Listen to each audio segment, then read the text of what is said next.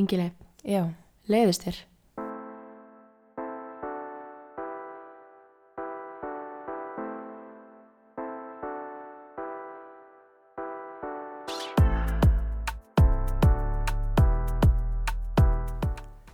leiðist mér Já, bara, þú veist, almennt, núna, með mér.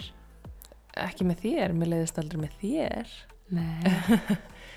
en já, núna er tímið það sem mjög mörgum leiðist, held ég Já, um mitt. Ég held að þetta sé ekki mjög gott fyrir, svona, eða góðu tími fyrir erðalust fólk til dæmis.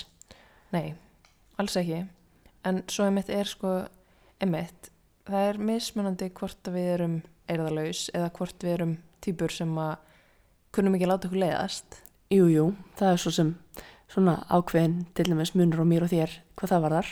Já, algjörlega, bara mjög skýr munur okkur.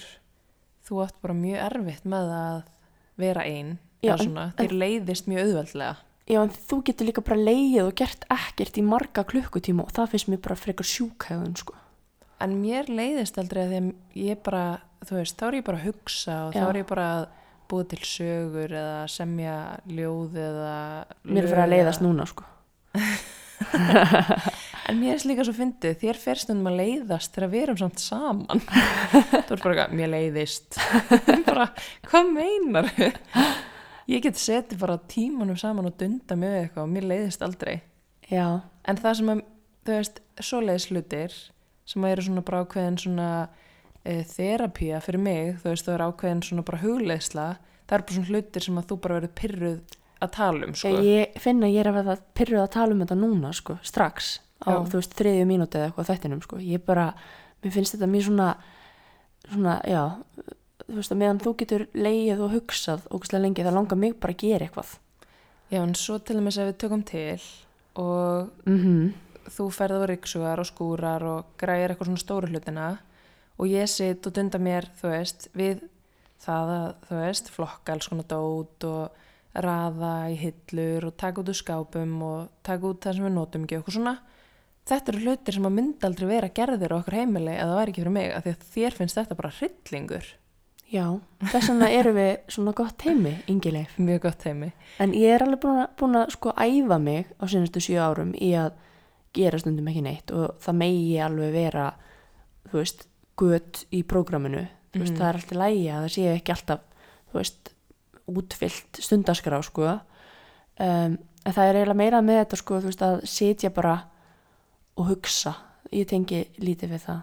Ég hugsa alveg, en ég er þá yfirleitt að gera eitthvað, veist, að vasku upp eða í sturtu eða þú veist, í göngutúr eða eitthvað svo leist, þú veist, þá alveg fæ ég brjálæslega margar hugmyndir og, og hugsa um hundra hluti og þú veist, ég sé mér ræður bara hérna allan daginn í hugunum og eitthvað um, sem er mjög áhugaverður eiginleiki þegar ég segi þetta svona upp átt en þú veist, já það að kunna að leiðast er samt mjög mikilvægur eiginleiki akkurat núna þegar að e, lífið er frekar svona tilbreytingalust Emmi, þetta er svona, svona prime time fyrir fólk eins og mig sem Mm. að, þú veist, kann ekki leiðast. og langar að vera heima Já, og finnst bara mjög notalegt eitthvað svona hæglátt uh, líf og cozy heit, þú veist, að því að mér leiðist, þú veist, ég held mér hafi bara aldrei leiðist. Ég tengir rosa lítið við þetta mér leiðist. Að því að ég bara, ég skil ekki alveg hvað þýðir að því að ef að ég hef ekkert að gera þá fer ég bara að dunda mér og ég einhvern veginn, mér leiðist aldrei. Kannski er það líka bara því að mér finnst ég sjálf vera ágætis kompani fyrir sjálfa mig, skilur þau? En heldur það að sé af því þú ert svona eiginlega semi-innbyrni? Já, ég held að tengist því alveg 100% sko, því að þegar ég var yngri þá var ég náttúrulega bara svolítið svona ein með mömmu og pappa út um allt, þú veist, við fórum ekki í ferðalög og ég einhvern veginn var bara rosa góð í því að dunda mér ein og þau bara á hægu tempói einhvern veginn og engin gargandi sískinni í kringum mig. Og hérna, já, ég held að það hefur bara verið svolítið grunnurinn að þessu. Og ég held að alveg mörg svona yngstu börn eða svona innbyrni tengi við þetta. Og ég hef Mhm. alveg heyrta frá svona mörgum sem ég kannast við að það eru svona típunar sem eiga mjög auðvelt með að vera einhvern veginn hafa ofana fyrir sjálfum sér án þess að þurfa mikið til sko og, Em- og einhvern veginn, já, dunda sér svona Einmitt, þú sko, þegar við segjum einbyrni þá kannski ágætu undirstreika þú átt alveg sískinni en þau eru bara svona 18 árum eldri en þú þannig að Einmitt. mamma en og pappi tók þetta svona í tveimur hollum svolítið. Já, þannig að ég er alveg bara svona algjört örverfi sko. En mér finnst þetta dásanlegt og mér finnst þetta góður eiginleiki, þú veist, mér finnst uh, mjög gott að mér leiðist aldrei að því að ég held að það sé mjög góður kostur Mm en áður en við byrjum saman var það samt líka þannig að ég var bara svona algjör einfari í rauninni, þú veist. Emmitt og kannski gerði þér ekki mikið. Ok, ákveðin skellur. eða svona, þú veist, fylgir kannski ekki sama atorku sem eins og hjá mér Nei, ef við höfum verið svona reynskelinar. nei, bara kannski öðruvísi. Já, Eh. atorku sem í haustnum á þér. Nei, nei, ég held að þetta sé bara svona liggja á mismunandi levelum, veist, og, og hérna, þú veist, ég get mjög öðvöldlega verið ein með sjálfur mér og þú ert svona, þú ert að þjálfast í þessu, þú varst mjög lélega í þessu þegar við kynntumst. Ég fór til dæmis í bað í fyrra dag Mm og ég hugsaði, ok, ég ætla bara að vera hérna. Ég ætla bara að vera ofan í þessu baði og gera ekki neitt. Og mér fannst það ógeðslega erfitt. Ég bara ámaði bara, þú veist, hvað er bað? Ámaði bara að liggja ofan í þessu og bara hugsa. Það er nákvæmlega það sem maður á að gera. Svo fórst þú í bað í gær og ég held að þú hafi verið svona þrjá og halvan tíma. Ég, ég náði, ég, tók, ég tímamöldi mig, ég náði 25 mínútum. Einmitt, þetta er bara skýr munur þarna. Já, en Mér ég hlustaði líka á podcast. ég var bara eitthvað, ég þarf að hafa eitthvað til að hlusta á, sko. Þannig er ég bara í mínu præm, sko. Ég lá bara hana og var bara eitthvað að hugsa og, og hafa það notalegt, sko. Já, ég bara, þú veist, mér finnst það næs í kannski 5 mínútur. Svona eins og þegar við förum í heita potti og svona líka, þá er ég bara eitthvað, ok, þetta er ókslega næs, en svo langar mér bara ekki að vera lengur í þessum aðstæðum. Ég held sko að þeir sem eru að hlusta á þáttinn skiptist í annarkvort liðið, sko. Já, pottið, sko. Ég held að sumir séu svona, einmitt, bara meiki ekki að setjast niður og eiga bara eitthvað að gera ekki neitt, sko. En svo held ég að hinn hópurinn tengi alveg við það sem ég er að segja um að hafa bara, já, finnast svolítið bara næs að vera einn með sjálf sér. Einmitt, þetta er alveg, þú veist, góður eiginleiki og ég er alveg að þjálfa mig að fara í bað. en þú veist, hinga til hefur mér bara fundist þetta að vera spurningum bara aðtöfn til þess að verða hreitt og þá verður maður bara í styrtu. En jú, jú, það er alveg næs að fara í bað líka, sko. Já, þetta er, þetta er svona, þarna liggja, liggur munurinn, sko, en uh, áður en að við förum eitthvað dýbra í þessar umræður, þá eigum Í við nú en við köfum dýbra í baðið. Já. Nei, þá eigum við ennþá eftir að koma inn á bakhjarla þáttarins Já, annar þeirra tengist nú svolítið baði og næs heitum, og næseitum og það er Tito Ger já. uh, ábyggilega mjög fínt að fara með maskan til dæmis í bað, ekki satt? Jú, ég var að pæli því í gær og ef ég hefði átt uh, maska þá hefði ég gert það, sko. Mm, þú ert bara búin að klára alla. Já, þannig að uh, ég mæli sterklega með því að þið fá eitthvað svona maska, fara hann í bað og njóti þess að vera til. Já, og svo þegar þú komið upp á baði, setja á okkur body lotion og hérna andlitskrem Mm og handóperð. Þá er þið bara covered. Já, og ef þið eru með sár þá spreyja okkur sárakremi líka, þá er þið bara orðin Cheeto cared up. Já, nákvæmlega. Það er hérna eina vitið á þessum skrýtnu tímum og við erum með afslótakóða hjá Tito Care sem er inn á titocare.is Mm -hmm. Og hann er yngileif 20 20% afsláttur af öllun á cheetocare.is, mælum með því. En hinn bakkjarl þessa þáttar er playroom.is sem Mhm. er alveg opaslega falleg barnavöruverslun sem við höfum talað um. Ég er búin að vera á leiðinni að sína frá hérna kuppunum þeirra inn á Instagram. Ég held ekki að gera það bara á morgun, jável, eða í dag, hvenær sem þessi þáttur er að koma út. Uh, hann er tekin upp á þriðutaskvöldi mm. Þannig að, já, einhvern tímann í vikuna ætla ég að sína ykkur þess að kuppa sem eru frá Just Blocks sem er sem sagt, um, þetta er svona opin efniviður kuppar sem að leifa svona ímyndanaraflinu svolítið að leika lausum hala, hala. þannig að uh, það er, já, það er mjög svona þroskandi leikfung inn á þeirri síðu Einmitt og þar eru við líka með afslótakóða, ekki satt? heldur betur, það er raunveruleikin 15 fyrir 15% afslátt af vörum á síðunni playroom.is þannig að við mælum svo sannlega með því tjekkið á því líka. Og við þökkum auðvitað bakkjörlum þáttarins kærlega fyrir. Einmitt. og ykkur ætti ekki leiðast ef þið farið og skoðið það allt saman. Nei og talandi um með Just Blocks en að kubbana, það er nú eitthvað svona sem að maður getur nú alveg dunda sér við. Ég get alveg dunda mig við svoleið sko. ég get alveg gert Lego og, og kubbað. Og svona, svona litla liti en mér finnst mjög erfitt að lita til dæmis, mér finnst það leðilegt Já, ég reyndi að fá þig sko í fyrstu bylginni á COVID, þá reyndi ég að fá þig með mér í svona challenge að sagt, uh, setjast niður og mála á hverjum degi í einhverja x marga daga. Um mitt og þú urlaðist bara, drókslega skrítið, ég hef aldrei sér neitt verða jafn líkamlega pyrraðan yfir einhverju sem ára næs. ég málaði eina mynd og svo var ég bara, þetta er, ég get ekki ég get ekki meir. Og meðan sko, svo kom dagur 2, 3, 4, 5, 6 og 7 og þið, hérna þú og eldri strákurinn okkar, þið sa- gátu setið bara í, ég veit ekki, einn og hálfan tíma bara eitthvað að mála og dundi ykkur að blanda liti og eitthvað. Og ég satt og ég var bara svona að urlast inn í mér. Og þetta var líka, þú veist, fyrsta bylgjan, þú veist við letum bara eins og við værum í sótkví við erum svo sem, sem ég að gera það núna líka. Mm. en við vorum samt sko með miklu skipulaðara prógram þá. Það var svona, það var líka kannski af því að strákurinn okkar fóru ekki í skólan þannig að það, maður þurfti að vera með mitt skóladaginn heima og, og svo bara fylla upp í, veist, tíman í samverunni. Mm. en minnst núna meira sko veist, í fyrstu bylginni þá voru við mjög duglegar um þetta að passa upp á að um þið tóku ykkur tíma og voruð að mála og svo spiluðu við og, og hérna þú veist, bökuðum og elduðum mat og allt þetta mér líður svona eins og senstu vikunni séum við bara búin að gera ekkert Já, en ég held að það hefði samt verið mikilvægt að því að við vorum búin að vera í svolítið keislu og þá er, Já. maður verður aðeins að kúpla sér niður, sko. já, ég var lasin Já, og ekki með COVID. ekki með COVID Nei. En sem sagt, ástæðan fyrir þessu umfjöldunarefni er svo að núna er þriðabilgja COVID í gangi og einmitt mörgum sem að leiðist, margir orðnir bara langþreyttir á þessu ástandi. Og við erum svona svolítið búin að pæli hvað maður getur verið að gera í, þú veist, á þessum skrýtnum tímum, hvernig maður getur rauninni stitt sér stundir og gert eitthvað næs sem að er samt alveg, þú veist, ekki mitt bara að sitja og starra til loftið, sko, eða horfa sjónvarpi allan daginn. Emmitt, sem er líka gaman en kannski ekki um, í of stórum skömmtum.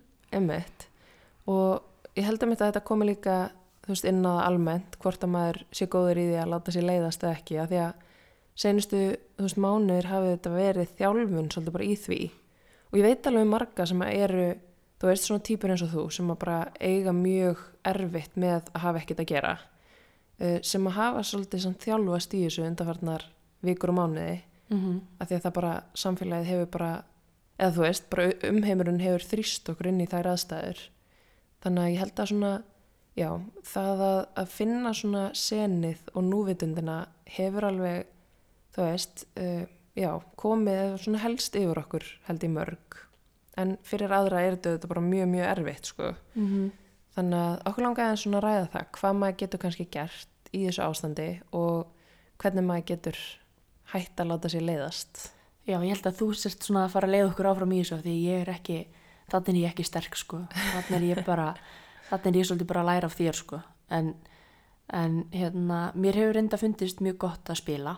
Já, uh, það er eitt, af svona mínum uppáhalds bara áhugamálum að spila spil, alls konar spil. Og það eru til sko fyrir fólk sem að elskar að spila uh, svona sp- spilaspil spilastokkum að þá fundum við til dæmis í fyrstu bylginni hérna forrið þar sem að það var hægt að spila bara hérna online við fólk. Og við tókum okkur saman sko hérna með mömmu þinni þar sem hún var heima hjá sér og við vorum heima hjá okkur svo tvær vinkunur okkar mm í sitt hverju húsinu. Og við spiluðum sko heila kínaskák þannig. Og fyrir þá sem að hérna veit ekki hvað kínaskák er þá er það mjög langt en mjög skemmtilegt spil. -hmm. uh, og það er ekki skák eins og margir halda heldur spila spil en hérna en okkur tókst að gera það til dæmis í gegnum netið. Og það Mm. var alveg skemmtilegra en ég þorðið að vona sko. Absolutt sko, það er hérna, það er örglega okkar einmitt svona uppáhalds uh, dægra dvöl ef hægt er að orða það svo. Að því við erum áttræðar. Að spila. Og einmitt, ef að þið þekkja ekki kínaskák sem ég efast um að þið þekkja því þetta er svolítið svona spil sem er bara spila svolítið á flateri og eitthvað staðar svona út á landi, ég held að sé ekki. Samt alveg svolítið við það sko eða þú veist, þetta er alveg að trenda sko. Ég, sko, við erum náttúrulega búin að kenna öllum í kringum okkur, okkur að spila þetta spil sem eru síðan búin að kenna öllum í kringum sig. Við netið er að stækka. Já, við settum að stað svolítið svona snjóbalta áhrif mm -hmm. uh, með kínaskák og þetta er alveg ótrúlega skemmtilegt spil. Uh, ég veit ekki, það er hægt að finna eitthvað reglur á netinu yfir þetta en við tókum reyndar saman uh, í bara einhverju Excel-skjali þannig að ef að þið eru mjög áhugasum þá bara skulum við kannski posta í bara á Facebook síðan okkar. Einhverjum svona hérna, kínaskák reglum. Þetta er alveg ótrúlega skemmtilegt spil. En hérna það er til dæmis eitthvað sem er mjög sniðið að gera.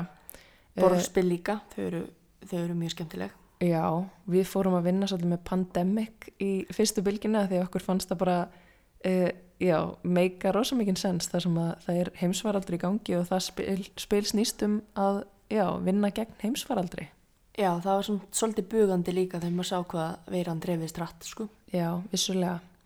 En það sem að mér finnst svona og svona kannski var ástæðan fyrir því að okkur langaði að taka hana þátt uh, og þetta topic var sko að nú er vinkonhópur minn búin að vera í því síðustu daga uh, núna bara eftir að þessi þriða bylgja skall svona harkala á uh, þá eru við búin að vera með svona áskorunarleik í gangi. Mm -hmm.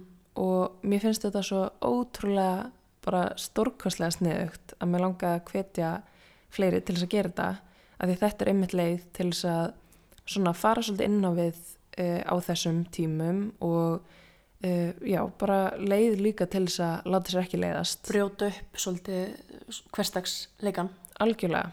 Og við byrjum þetta þannig að sagt Freyja vinkona mín stórt sjátt át á Freyju hún sagt kom með þessa hugmynd og uh, við erum sagt þetta lögfræði vinkonahópur minn og hún skoraði á okkur fyrir einhverjum dögum síðan að fara allar í langan og góðan göngutúr.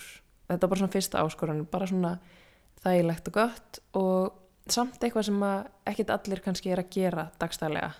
Eitt, sem eiga ekki hund og bann Nei, við fyrum rosa mikið út í göngutúra uh, þannig að þetta var kjörin uh, kjöritækifæri fyrir okkur til þess að taka bara einn mjög langan og góðan og en svona margar í hófnum kannski ekkit svona venjulega að fara í göngutúra bara svona upp úr þurru Meina, Einmitt. við gerum það aldrei áður en við eignum stund Nei, við fórum bara út úr húsi sko. Man, einhvern tímann voru við bara eitthvað, já, heyrðu, ef við kannski að fara í göngutúr í kvöld og það okkur fannst það mjög framhjörstundulegt. bara eitthvað, wow, mjög Nú flippa neyðust við til að fara, þrísar á dag. En mér finnst þetta geðveikt, mér Já. finnst þetta góður kostur við að eiga hund sko Mm -hmm. að því að maður allan að drullast út sko. en já, hvað um það við fórum allar í, í góðan göngutúr og svo skoraði hún á næstu til þess að koma með næstu áskorun og þetta hefur rúlað svona og áskorannar hafa verið mjög fullbreyttar en bara alveg ótrúlega skemmtilegar og svona einmitt farið svolítið svona inn á við við höfum til dæmis uh, farið yfir það veist, hvaða svona hlutir í lífinu sem að einu sinni öngruð okkur mjög mikið við okkur sjálfar eða voru svona óreigismerki hjá okkur sjálfum uh, hvaða svoleiðis hlutir eru núna í dag orðnir af hlutum sem við kunnum meira að meta og svona við erum búin að fara svolítið yfir þetta saman og erum, þú veist, förum bara vel í gegnum það notum bara Snapchat til þess, mjög Mhm. fín leið Mm -hmm. og erum þá að ræða bara ok, þetta eru hlutir sem að þú veist, ég hef unni úr og í dag vorum við til dæmis að ræða þú veist, hverju við erum stoltar af uh, við sjálfur okkur, hvaða svona þroska uh, skref við höfum tekið sem við erum stoltar af og alls konar svona þú veist, svona já, bara einhvern veginn köfum svolítið inn á við og mér finnst ég líka að vera að kynnast þeim á öðru leveli þó svo þetta séu sko vinkonum mínar sem ég þekki sko á alla mögulega vegu við Mhm. Vitum hluti um hver aðra sem er bara kannski, þú veist, skrýta að vita um hver aðra, ég veit ekki, þetta er bara svona mjög náinn vinahópur en mér finnst ég samt vera einhvern veginn að kynnast enn öðrum hliðum á þeim sem er stórkastlegt sko einlagnin, sko, hún er svo falleg. já, og ef eitthvað tíman maður á að vera einlegur, þá er það núna sko Einmitt. þannig að það er ímislegt hægt að gera úr svona, þú veist, og það má auðvitað vera bara hvernig sem er og getur verið með fjölskyldu eða vinnum eða hvernig sem er. Mér finnst þetta allan mjög skemmtileg pæling uh, og hvet fleiri til þess að gera þetta því að þetta líka bara svona þú veist, til dæmis í gær þá var ég mitt challenge í það að, að gera eitthvað svona bara fyrir mann sjálfan eitthvað svona sérstakt sem að var svona algjört self-care uh, og svona stund sem að maður ætti með sjálfum sér með engum utanakomandi svona uh, tröflunum Og, fórstu þess vegna í bað? já, þess vegna fór ég þrjá klukkunum í bað Ah, ok. Ekki það, þú hefur alveg farið í bað, hvað sem er held ég. algjörlega, en, þú fórst, alveg ekstra, þú fórst alveg í ekstra gott bað. já, og bara nöyt þessi bott Það er sko. frábært. þannig að það var partur af gerðinum Já. þú vissir það ekki eins og þú ert þess að Nei, ég, ég er bara að heyra þetta núna, sko. Ég finnst þetta bara svo eðlilegt. já, þetta er ekki úr karakter fyrir mig Nei, þetta er svona, þetta var alveg heppilega áskorun fyrir þig, myndi ég segja. Mjög, já. Þannig að allt eitthvað svona held ég að geti hjálpað fólki á þessum tímum að því að ef að maður er fastur í svona ástandi og er einmitt svona kannski bara svolítið í sjálfskeipari sóttkvið þegar maður er í áhættuhópi eða þekkir eitthvað í áhættuhópi eða eitthvað svo leiðis að þá er rosa auðvelt held ég að þetta þyrmi svolítið bara svona yfir mann og maður einhvern veginn kapni bara undan einhvern veginn kvíða yfir þessu ástandi.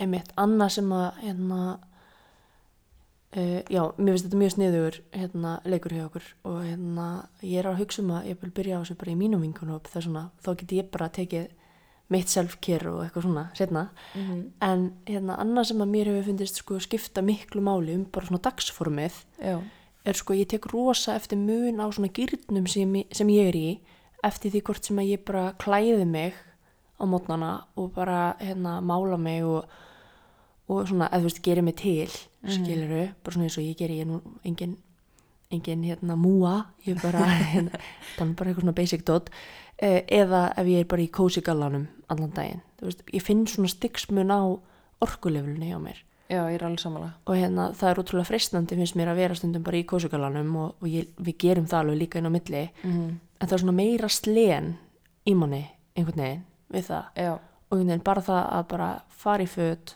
og hérna gera sér til sem að hljóma náttúrulega bara eins og mjög basic hlutur að gera en á þessum tímum er það bara meira en að segja það já, ég meina fyrsta, bara fyrstu mánuði ársins, ég held ég hafi bara mála mig eða bara aldrei, þú veist, maður bara setti allar meiki andlita á sér að því veginn, maður var bara heima, ger ekki neitt. mm -hmm. En einmitt þegar við fórum að pæli þessu, uh, þá sko passaði ég mig að gera það því að bara það einmitt að bara klæða sig í föt, vera ekki, þú veist, heima hangandi á sófanum allan daginn, þó svo að mér finnst það voða næs, að það, það gerði miklu meira fyrir þetta andlega heldur en ég hefði haldið. Já, kom mér mjög óvart sko, líka bara eins og maður er að vinna heima og þú veist, svona hvernig hvernig maður vinnur. Það er einhvern veginn öðrugjus að vera bara að vinna þú er bara tilhafður eins og væri bara í vinnunni eða vera mitt upp í sófa með sengina, þú veist, það er einhvern veginn ég finn alveg mun allavega.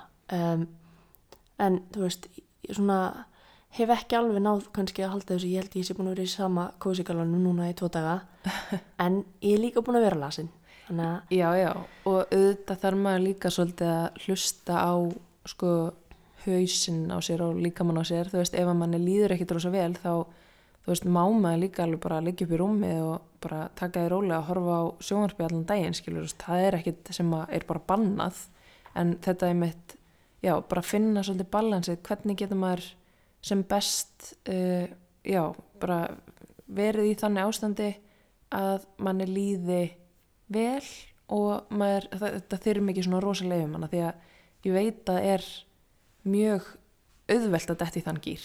Já, af því þetta er mjög surrealist og þú veist, við lendum í því sem sagt í gæra hérna, uh, hvað heitir það, sófaborðið okkar bara brotnaði, Mm -hmm. uh, rökkvi okkar yngri stóði borðið og ég veit ekki alveg hvað gerðist, það bara ein löppin bara brotnaði af, hann er ekki svona þungur, Hann slasaðist ekki, svo það sýtt ekki fram. nei, hann, hann slapp alveg við, við þetta allt saman og þetta var svo sem ekki stórt borð, en við stóðum fram yfir því, bara býtu ok, býtu okkur vantar alveg sófaborð. Það er alveg, mér finnst alveg frekar krúsjál að vera með sófaborð, einhvern veginn uh, kannski bara vaninn ég veit ekki, það er líka bara stofan lítur skringilega út án þess en allt í lagi. Og ég eitthvað svona fór eitthvað að skoða á netinu eitthvað, pæli hvort maður geti kannski bara retta þessu online. En það er ekki eins, maður veit ekkert alveg hver starðin er og hvernig áferðin er eða annað. Þannig að við tókum mjög djarfa ákvörðun í dag að fara í eina húsgagnabúð og skoða sófaborð.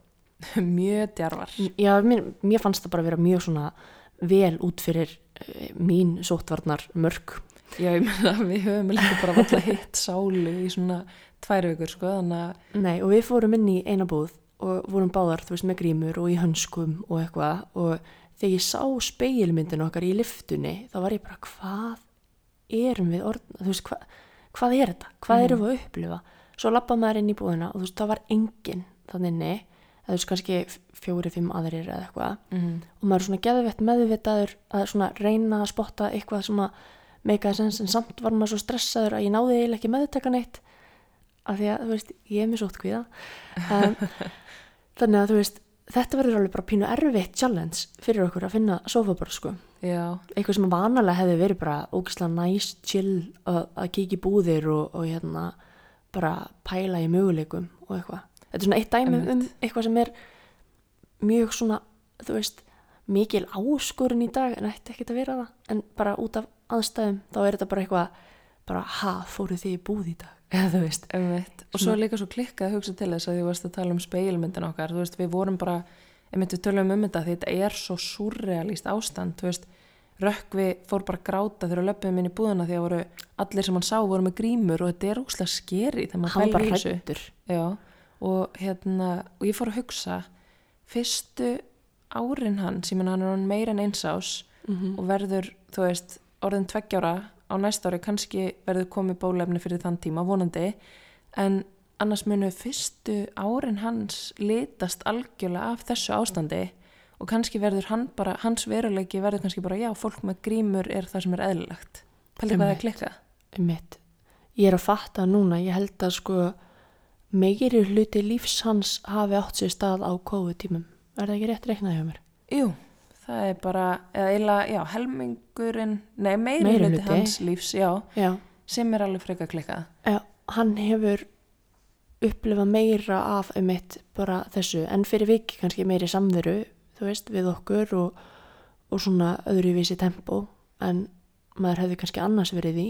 Þannig að það eru svona kostir og gallar í þessu en einmitt, þú veist, þetta með grímuna þú veist, kannski eftir einhver ár þá verður, verður einmitt bara talið útrúlega speshægðun að, að fara inn í búð þannig þess að vera með grímu, sko. Ég veit það ekki, kannski gengur þetta allt tilbaka. Ég, ég veit það ekki. Við vitum ekkert hvaða framtíðin ber í skauti sér. Vonandi bara kemur bólefni og við verðum öll safe eftir eitthvað tíma. En uh, á meðan ástandi er svona, þá að minnstakosti er mikilvægt að við hugum líka svolítið svona að andlegu heilsun okkar. Að því að Algjörlega. það er bara nummer 1, 2, 3 í lífinu er að passa upp á okkur sjálf. Að því að ef að við erum ekki góðum gýr andlega eða þú veist, ef að við erum mjög uh, illa sett andlega þá auðvitað hefur það áhrif á allt annað í lífin okkar og er auðvitað bara ástand sem við viljum ekkert vera í veist, ég held að öllum langi til þess að líða vel Nei, og líka hérna heyra í fólkinu okkar. Veist, ég er alltaf að reyna að minna mig á það. Þú veist, að taka sér litlu símtöl sem að Mm. maður er að fresta. mm. Eh, þú veist, einstaklingar sem maður er ekki búin að heyri í lengi, bara taka upp tólið og, og tjekka á fólki. Bara, hei, þú veist, hvernig hefur það? Og hérna, það þarf ekki að vera eitthvað klukkutíma símtal hvert, getur auðvitað líka verið það. En bara svona, þú veist, í göngutúr eða, eða bara meðan maður er að vasku upp eða eitthvað, þú veist, að bara, hérna, heyra í fólki. sérstaklega eins og í ömmu og afa og, og svona, þú veist, kannski einhverjum gömlum frængum sem heyri ekki mörgum og, og svona, þú veist, þetta er alveg, þetta er alveg sjúklega surrealist, sko. Já, líka bara til dæmis eins og þú veist, vanalega fóru kannski föstudags og lögadaskvöld í það að fara ekkert út eða fara út að borða eða fara út að skemmta sér Mm. sem að það er ekki að gera núna og þá er hægt að nota þann tíma sem að maður hefði annars verið kannski með vinum sínum að skemmta sér eitthvað staðar og hitt þá frekar en á Zoom og bara gert skemmtilega hluti þannig Mhm. þú veist, þó svo að sé ekki eins þá að minnstakosti getur maður verið að verja tíma uh, með fólki þó svo að það sé ekki gegnum netið og mér finnst þetta mitt eitthvað sem að uh, maður verður líka að passa upp á þó, veist, þó svo að maður heyri í fólki bara í gegnum messenger eða snapchat eða eitthvað þá er samt öðruvis að vera þú veist, hittast innan gæsalappa uh, svona Um eitt. Og við höfum gert þetta líka vingunahópurinn það er líka uh, forritið app í síman sem heitir House Party. Það er hægt að spila leiki. Já, Eh, við, við höfum stundum gert þetta, þetta er mjög skemmtlegt það er hægt að vera í spurningaleiki og, og eitthvað svona teiknileiki og alls konar skemmtlegt sko. Fólk hefur líka verið að búa til svona pubquiz. Það sem að er einn sem að spyr spurninga og er svona host þú veist og rest er að svara og þá er þetta að svara í svona sameigilegt eða í svona Google Docs skjall eða eitthvað svo þannig að það sé hægt að það er ekki hægt að svindla. Emmett, vinkonahópurum minn gerði þetta mitt líka í, í fyrstu bylginni, það var mjög skemmtlegt þannig að þú veist, það er auðvitað hægt að finna alls konar leiðir við það að þú veist, hafa gaman og hafa það næs. Uh, og ég held að sé mitt rosa mikilvægt þó svo að þið séu svona típur eins og ég sem finnst bara rosa næs að gera ekki neitt og eitthvað leiðist ekki þó svo að þið sitið upp í sófa og starra út í loftið. Uh, að þá er samt líka mikilvægt að festast ekki í því ástandi af því að það er mjög auðvelt á þessum tímum að festast í því ástandi. En sko að passa sig að hafa eitthvað fyrir stafni og mér finnst, einmitt eins og ég var að tala um aðan, mér finnst að hjálpa rosa til að eiga hund af því að það dregur mann út, það gera það verkum að við erum með rútínu, þú veist, maður fer að minnstakosti einn til tvo góða göngutúra á dag, stundum þrjá, það fer eftir bara hvernig við skiptum því og svo ferum við stundum saman, þú veist, í langan göngutúr. Mm og auðvitað hjálpar líka að eiga börn, skilur það, því að maður er alltaf með rútinu kringum það, þú veist, við vaknum á mótnana með strákunum okkar og komum þeim eldri í skólan, þeim yngri til dagmömmu. Og hérna, og það er alveg bara partur af okkar rútinu, en ég held sko að ef að ég væri ekki manneskja með fjölskyldu og væri típan sem ég er, að þá þyrfti ég svolítið mikið að passa upp á það akkurat núna að hafa eitthvað fyrir stafni. Einangrast ekki eða, Já, að því að sko ég lend alveg í því áður fyrr áður en við kynntumst að ég meitt, ég bara svona, mér leiðist ekki þannig að mér finnst ekkit máli að vera ein. Nema svo svona til lengri tíma þá var ég kannski farin bara að vera of mikið ein, skilur mig. Uh, og var svona sleppa ég kannski að gera hluti að því mér fannst bara meira næs að vera bara heima í kósi einmitt, svolítið öfgafullt kannski þá áttina Já, þannig að, hérna, að þá þurfti ég svolítið bara svona, ok, þú veist, þetta er kannski orðið of mikið að því góða og þá þarf maður líka alveg að passa sig að leifa þessu ekki að taka yfir að því að þá er mitt bara einangrast maður getur orðið síðan, þetta getur alveg hérna farið að hafa einmitt neikvæðar af, afleðingar andlega þó svo að, þó svo að manni leiðist ekki þá getur þetta farið að vera þú veist, leggjast svolítið bara svona á andlegu hliðina að vera ekki að gera hluti, fara ekki út eða þú veist, vera ekki að passa upp á reyfingu eða að hitta fólk og allt þetta. Einmitt, elda mat, ekki bara þú veist, panta, panta skyndibita. Við erum Mhm. svolítið slæmar í því höfum, höfum við verið, en við erum að bæta okkur þetta er alltaf að koma. En það er líka annar hópur sem ég er búin að hugsa mikið til núna, það er unga fólki okkar. Og því miður engilega við tilhörum ekki alveg þeim hópi lengur allavega ekki ég. Meðaldra já, það er svona, þú veist, ég er að tala um þú veist, krakkana sem eru að klára kannski bekk, byrja í mentaskóla byrja í háskóla. Um, kannski er eitthvað þeirra að hlusta. Já, kannski, þú veist, ég hef hugsað virkilega mikið um þennan hópa því, þú veist, það er svo stór hluti af því að vera úlingur mm -hmm.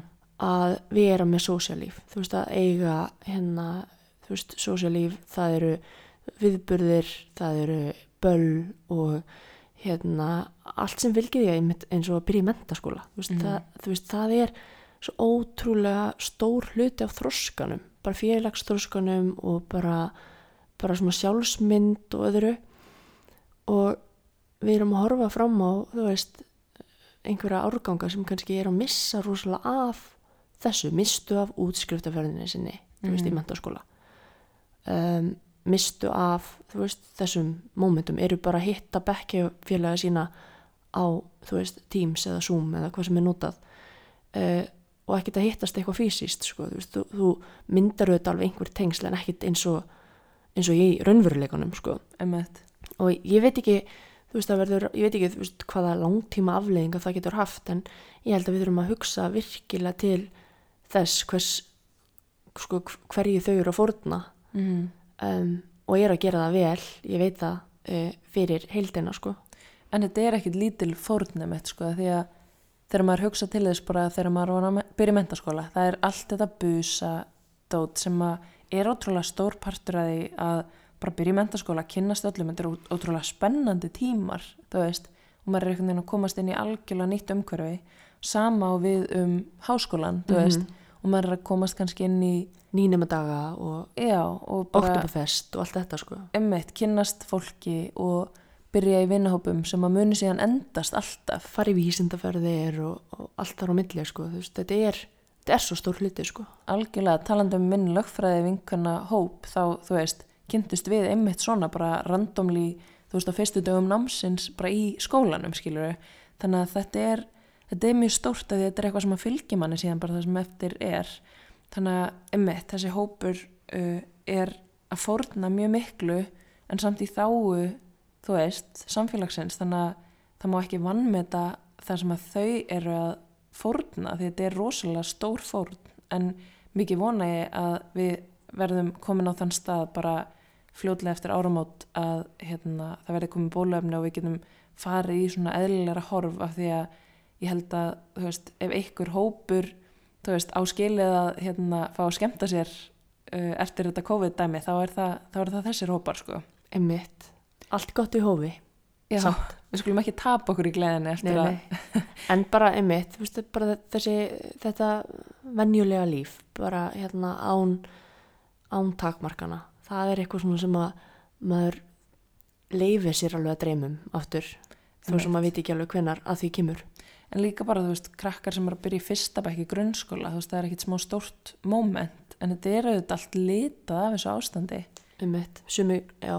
Það er samt sem betur fyrr svona, þú veist skólagangan hefur alveg verið svona eða skólakerfi hefur haldist gangandi allavega eitthvað núna. Það eru auðvitað einhverju skóla sem hafa farið í sótkví og, og svona en, en þú veist ég held bara þessi daglega rútína þú veist fyrir börnin og þroskin sem á sér staði í skólakerfinu það er eitthvað sem að skiptir svo miklu máli að standa vörðum Já, og sama, að samaskapi þá skiptir daglega rútínan okkar, fullanda Já, fólksins, heldur betur heldur betur máli, sko. Þannig að e, ef að þið eruð þann úti og eruð alveg að klebra á þessu ástandi, þá er held ég bara fyrsta skrefið að búa jável til bara svona daglegt plan mm -hmm. þó svo að sé ekki nema bara að fara í klukkutíma langan göngutúr uh, alla daga klukkan 5 eða eitthvað Einmitt, þó sé ekki nema bara að búa um rúmi sitt eða hérna klæði sér í föt sko. það er alveg að byrja smátt en, en einmitt bara búa til eitthvað prógram, fylgja því eftir setja sér markmið um verkefni sem að maður þarf að klára eða vinnu sem að maður þarf að klára mm -hmm. uh, verðluna sig þegar maður, með, þegar maður næra að standa sér vel og, hérna, og ekki vera vondu við sem maður næra veist, næri ekki takmarkinu sko. Þú veist, það, er, það er líka bara allt í lægi og hérna við erum bara, ég held að séu allir að reyna að gera sitt besta í þessu ástandi. Og hérna, þú veist, með fjölskylduna, þú veist, kunna líka bara þú veist, að, að hæja þess á sér og meta, þú veist, þessi litlu samveru moment, það er líka hægt að fara í alls konar leiki með bönnunum eða fransískinunum eða hvernig sem það er. Mm -hmm. um, og þú veist búa til alls konar uppákomur þú veist hérna og þú veist ég svo sem koma með lista því það er líka hægt að googla bara þú veist hluti til að gera þeim manni leiðist sko. En hérna þú veist þetta er tímabundið ástand og um, veist þetta er alveg tíminn til að koma með einhverjar áskorunar og sjálfa sig líka þú veist. Já, ég held líka sko að það sem er jákvætt við þessa fáránlegu tíma og þessar absúrt aðstæður sem allir eru í er samt það að kannski í fyrsta sinn í rosalega langan tíma getur maður hort inn á við og hugsa ok, hver, hver eru mín áhugamál og maður getur raunverulega rækta þau. Veist, ég upplifði það rosa mikið í fyrstu bylginni að því að veist, alls konar hlutir sem ég hef látið sita hakanum eins og bara finnst ótrúlega gaman að skrifa finnst ótrúlega gaman að skrifa ljóð og skrifa texta og þú veist, dunda mér í eitthvað svona listrænu. Ég mitt bara elskaði að mála á daginn og skrifa ljóð og allt þetta.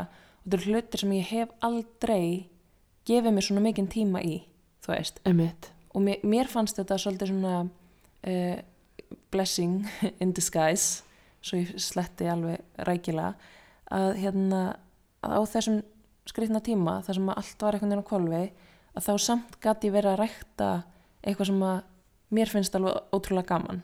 Og hérna mér finnst það líka eitthvað sem að maður getur gert núna þú veist, maður getur allan að þeir sem er að vinna heima kannski vanir því að eigða x miklum tíma að komast í vinnuna eigða x miklum tíma til þess að fara úr henni og allt þetta.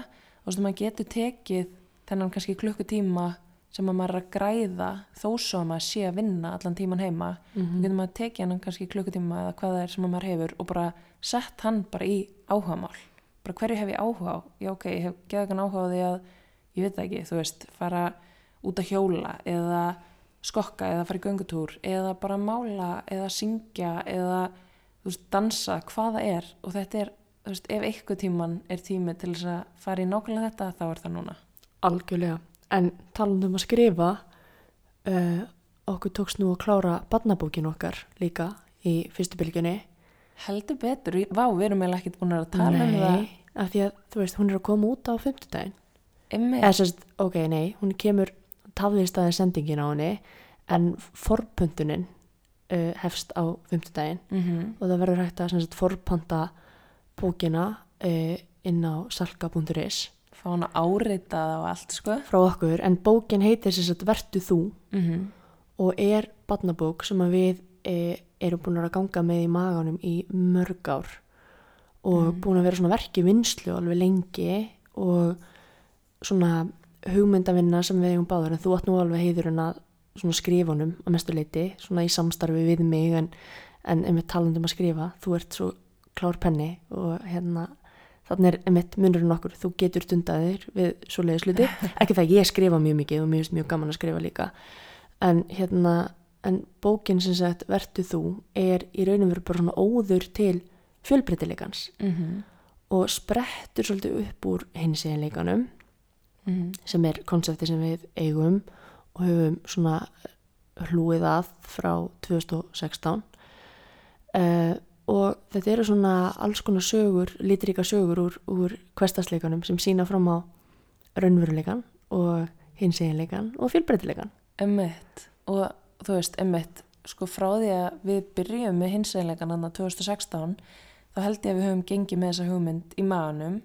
Og við byrjum að skrifa svo einhvern veginn bara svona sata á hakanum, svo einhvern veginn komum við okkur aldrei almenn líða þú veist, hvernig við ættum að hafa samband við hvernig við ættum að gefa svona bók út. Ætt, ættum við að gera það sjálfar eða ekki, ættum við að tala við forlag? Hvernig Mhm. gerum maður það? Og svo framvegis og það tók langan tíma. Og bara hver teiknar, hver sér um þú veist, uppsetningu, það var svona alls konar pælingar sem við höfum bara einhvern veginn sett í hliðar og það var bara búið að vera svona þú veist, onni skuffu einhvern veginn bara í mörg ár. Mm -hmm. þar til núna uh, það er reyndar alveg svona ár síðan að við fórum svona almennilega að skoða þetta og hérna fengum alveg indislegar móttökur hjá stelpunum í Sölku forlagi þær eru dásamlegar, þetta er svona forlag sem er með hjarta og sál sko. gefa út ótrúlega mikilvægur og, og góða bækur. Mæli með að kíkja úrvalið, það er einmitt mjög fín afturreying að lesa núna. Absolutt. Og, hérna, og leggja síman aðeins frá sér og, og taka upp bók og lesa. Og það er mjög gott úrvalinn á heimasíðinu hjá þeim. Já, og þetta er ekki kostuð auglýsing, þetta er bara, bara við að segja frá. Já, og þær eru meitt bara alveg indislegar, komið með okkur inn í þetta ferli þú veist og það er kannski alveg svona smá áhætta að fara inn í uh, svona verkefni með bara einhverjum tveimur uh, ungum konum sem hafa brennandi áhuga á okkur en vita kannski samt ekki alveg nákvæmlega hvað eru að gera, hafa ekki gefið út bók áður eða neitt slíkt. Mm -hmm. en þær voru svo indislegar, þær bara stukku um borð með okkur og svo fór þetta bara með eitt almennilega flug núna í COVID, veist þetta var tíminn sem við raunverulega gátum gefið okkur tími í þetta, veist gátum sest niður, klára handritið uh, fengið teiknara til þess að fara yfir þetta, hún hafi tíma til þess að þú veist sitja yfir þessu svona alls konar samverkandi þættir. Einmitt, teiknarinn heitir sagt Aldalilja stórkostleg. og er alveg ótrúlega skemmtilegu teiknara því við vissum við vildum fá svona pínu öðruvísi myndir, svolítið kvörki Mhm. svona myndir sem að kannski fá krakka til að staldra við og stundum finnast hlutinu pínu absúrt eða skondnir eða fyndnir eða alltaf á milli mm -hmm. og hún náði að grípa það alveg ótrúlega vel Já, ég er svo ánum með myndunar í þessari bók sko. Mér finnst hún er mitt, hún er svo lifandi og skemmtileg og óheðbundin og hérna það er mitt það sem Aldalíla gerir svo vel. Hún er ekki í þessu hefðbundna normi, hún bara teiknar alls konar líkama og alls konar útlit og, mm -hmm. og hérna við vorum mjög hefnar að fá hana með okkur í leið. Einmitt, ég er ennþá alltaf að finna einhvern svona nýju nýju smáatriði sem ég var ekki búin að taka eftir Já. og það er ótrúlega svona vandfundið oft Einmitt. í svona barnabókum en sem sagt, verður þú er að koma út uh, bara von bráðar í næstu viku Já, hún átti að vera að koma til landsins núna 15 en svo gerðist eitthvað í, í flutningunum, eitthvað sem ég veit ekki en hún kemur í næstu viku forpöntunin hefst á morgun, nei býtu nú við, hvað dagur í dag? Þetta er yfir dagur í dag. Forpöntunin hefst á fimmtudaginn, Já. sem sagt fimmtudaginn uh, 15. uh, september, já, nei, oktober, oktober vá, heilin er alveg svoðin akkur núna, uh, fimmtudaginn 15. oktober hefst forsalan inn á salka.is og emmitt, talandi um það að þú veist, gera eitthvað sem að maður er búin að setja, þú veist, onni skúfu í allt og langan tíma. Einmitt, og láta vaða, gera það sem að manni langar til. Þannig eftir nokkra daga, eftir kannski svo cirka viku, þá eigum við bara okkar eigin bók. Það er ótrúlega magnað og ótrúlega sérstök tilfinning. Mjög berskjaldandi líka. Ég er alveg svona, í bland við að vera sjúklega spennt, er ég líka bara pínu kviðin, bara hvað ef að einhverjum bara líkar ekki við þetta og eitthvað svona. En það verður þannig, það verður Já. alltaf þannig. Úff. Og við bara hérna, stöndum með okkar, okkar hérna, verki og ég veit að hérna, við erum alveg búin að pröfa hana á alls konar börnum og, og hérna, á svona öllum aldrei bókinni svona miðuð á kannski svona eldri hérna, eldri árgangar leikskóla og yngstu árgangar grunnskóla svona cirka en þú veist fólki finnst hún samt alveg sniðu þó að það sé orðið fullorðið líka sko. þannig að ég vona að þetta getur búið til svona góða samverustund með fullorðnafólkinu og bönnunum Mhm. að ræða alls konar hluti sem að e, fullorðnafólkið að mínum að þið þyrft að ræða meira við bönni sín. Og það er um fjölbreytileikan og hvað við erum ólík og hvernig hvort sem að það er útlit eða kynneigð eða kynvutund eða annað. Það er allt í bókinni. Þannig að það er alveg ótrúlega gott tækifæri að lesa þessa bók með bönnum sem eru forvitin. Mm. og bönni eru nú forvitin uh, og fara yfir bara þessa mannflóru og það er ekkert hættulegt við það að tala um það að fólk er alls alls konar.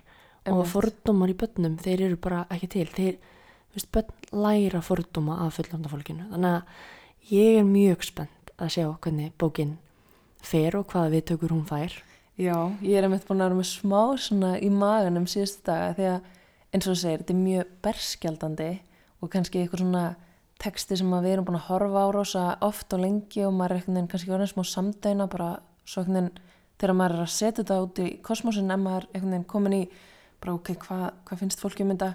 Ég veit að við erum að gera hluti sem hafa, verið- að, veist, hafa aldrei verið gerða, gerðir í eru- íslenskum veist, barnabókum sko. það eru orð í þessari bók sem ég veit ekki til þess að hafa verið áður í hérna barnabókum.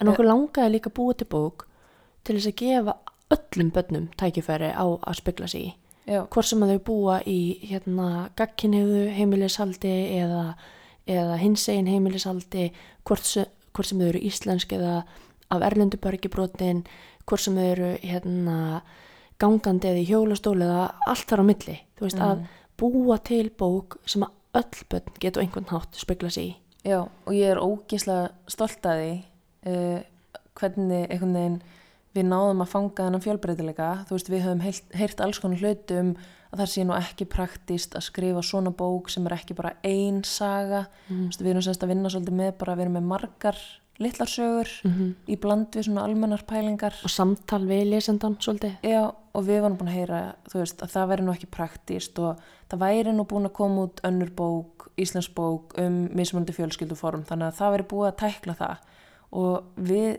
áttum svona moment, Marja, þú áttir svona svolítið gott moment á einum tíumpunkti þegar við höfum heyrt þetta frá mannesku sem að svona þekkti til þessa bransa, þar sem að þú bara, já, ok, það er búið að gefa út eina bók um mismunandi fjölskylduform. Það er búið að gefa út eina íslenska bók þar sem að hins einn fjölskyldur eru nefndar á nafn en hvað hafa komið út marga bækur með þessu gagkinniða normi? Einmitt, og á batni mitt að bara lesa þá bók til þess að vera mettaður af, af sko sínum veruleika Mm -hmm. þú veist, rosa gaman og meðan að þú veist, önnur börn geta lesið þú veist, allar hinnar bækurnar Emmett.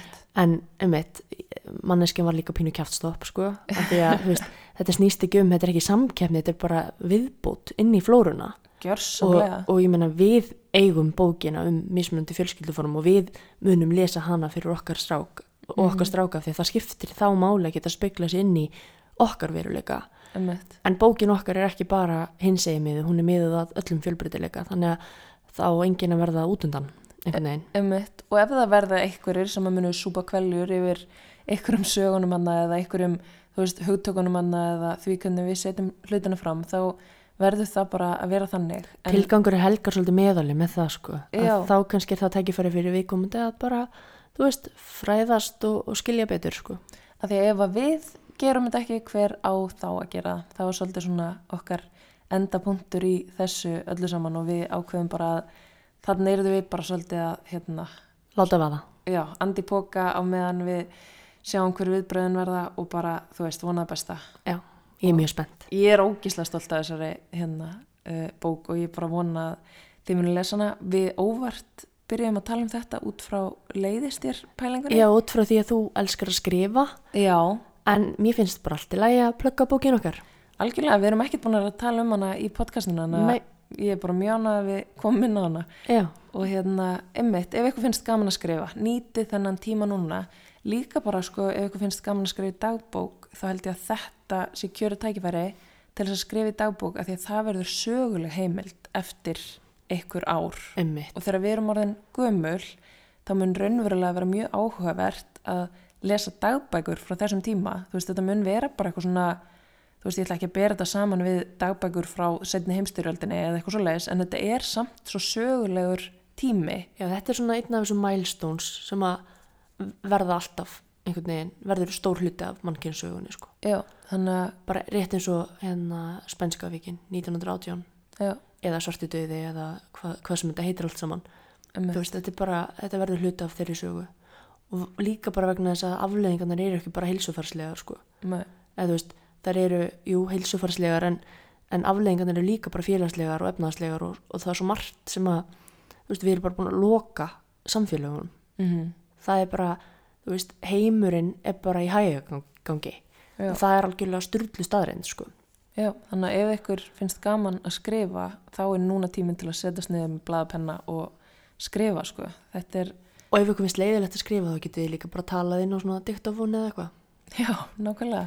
Eða tekið myndir og fanga augnabliki þannig eða hvað sem það er. Bara, Dokumenta þetta svolítið. já, og hérna sinna áhugamálunum ykkar og njóta þess að vera til og reyna að, að sökva ekki honni í hildýpið. Og ef þeir eru í hildýpinu, við höfum sagt þetta áður í þessum þáttum, þá er alltaf hægt að fá hjálp. Það er hægt að leita til sálfræðinga, það er meira þess að hægt að leita til svona vefrætna uh, útgáfa af alls konar aðstóð og hjálp Mitt, og hjálpa sími rauðakrossins. fá aðstóð gegnum netið, emitt í gegnum síman Mm uh, þannig að hérna Ringi vinn og segja bara, mér líður illa. Já, Það má líka, það má líka bara vera börskildaður og segja veistu, ég er ekki í góðum gyr. já, Það er betra að segja þau upp á dæna byrgjaðinni. já og þetta er emitt bara hlutur sem að þú veist, skiptir ótrúlega miklu mála einhvern veginn að því að þú veist, við erum all í þessu saman og ef þið ykkur líður eins og þessu alein og líði, þú veist, alein um það að líða mjög illa þá að öllum líkindum er ykkur í kringum ykkur sem að hérna getur alveg speklað þær tilfinningar að því að við erum öll bara í ykkur algjör rugli sko. Einmitt. Og bara fyrst og fremst að bara leifa ykkur að vera eins og þið eruð. Það er bara eina sem skiptir máli akkur núna og líða eins og ykkur líður. mm -hmm. En svona að því sögðu þá held ég að, að hérna, þessi þáttur sé að líða undir lok já, og þá er verðt að nefnast á, nefna, nefnast á, að nefna hérna, samstarfs aðalan okkar. já, minnast á, nefna Já, hvað mig góður, alveg orðin grilluð í hausnum, uh, að minnast á. já, Cheat og Care uh, með afsláttakóðan uh, Ingilif 20 inn á cheatocare.is af öllum vörum. 20% afslátt þar og svo verslunin playroom.is með 15% afslátt með kóðanum raunveruleikin 15 þökkum þessum bakkjörlum þáttarins að sjálfsögðu kærlega fyrir og svo bara verðum við með ykkur eftir viku. Gangi ykkur vel að láta ykkur leðast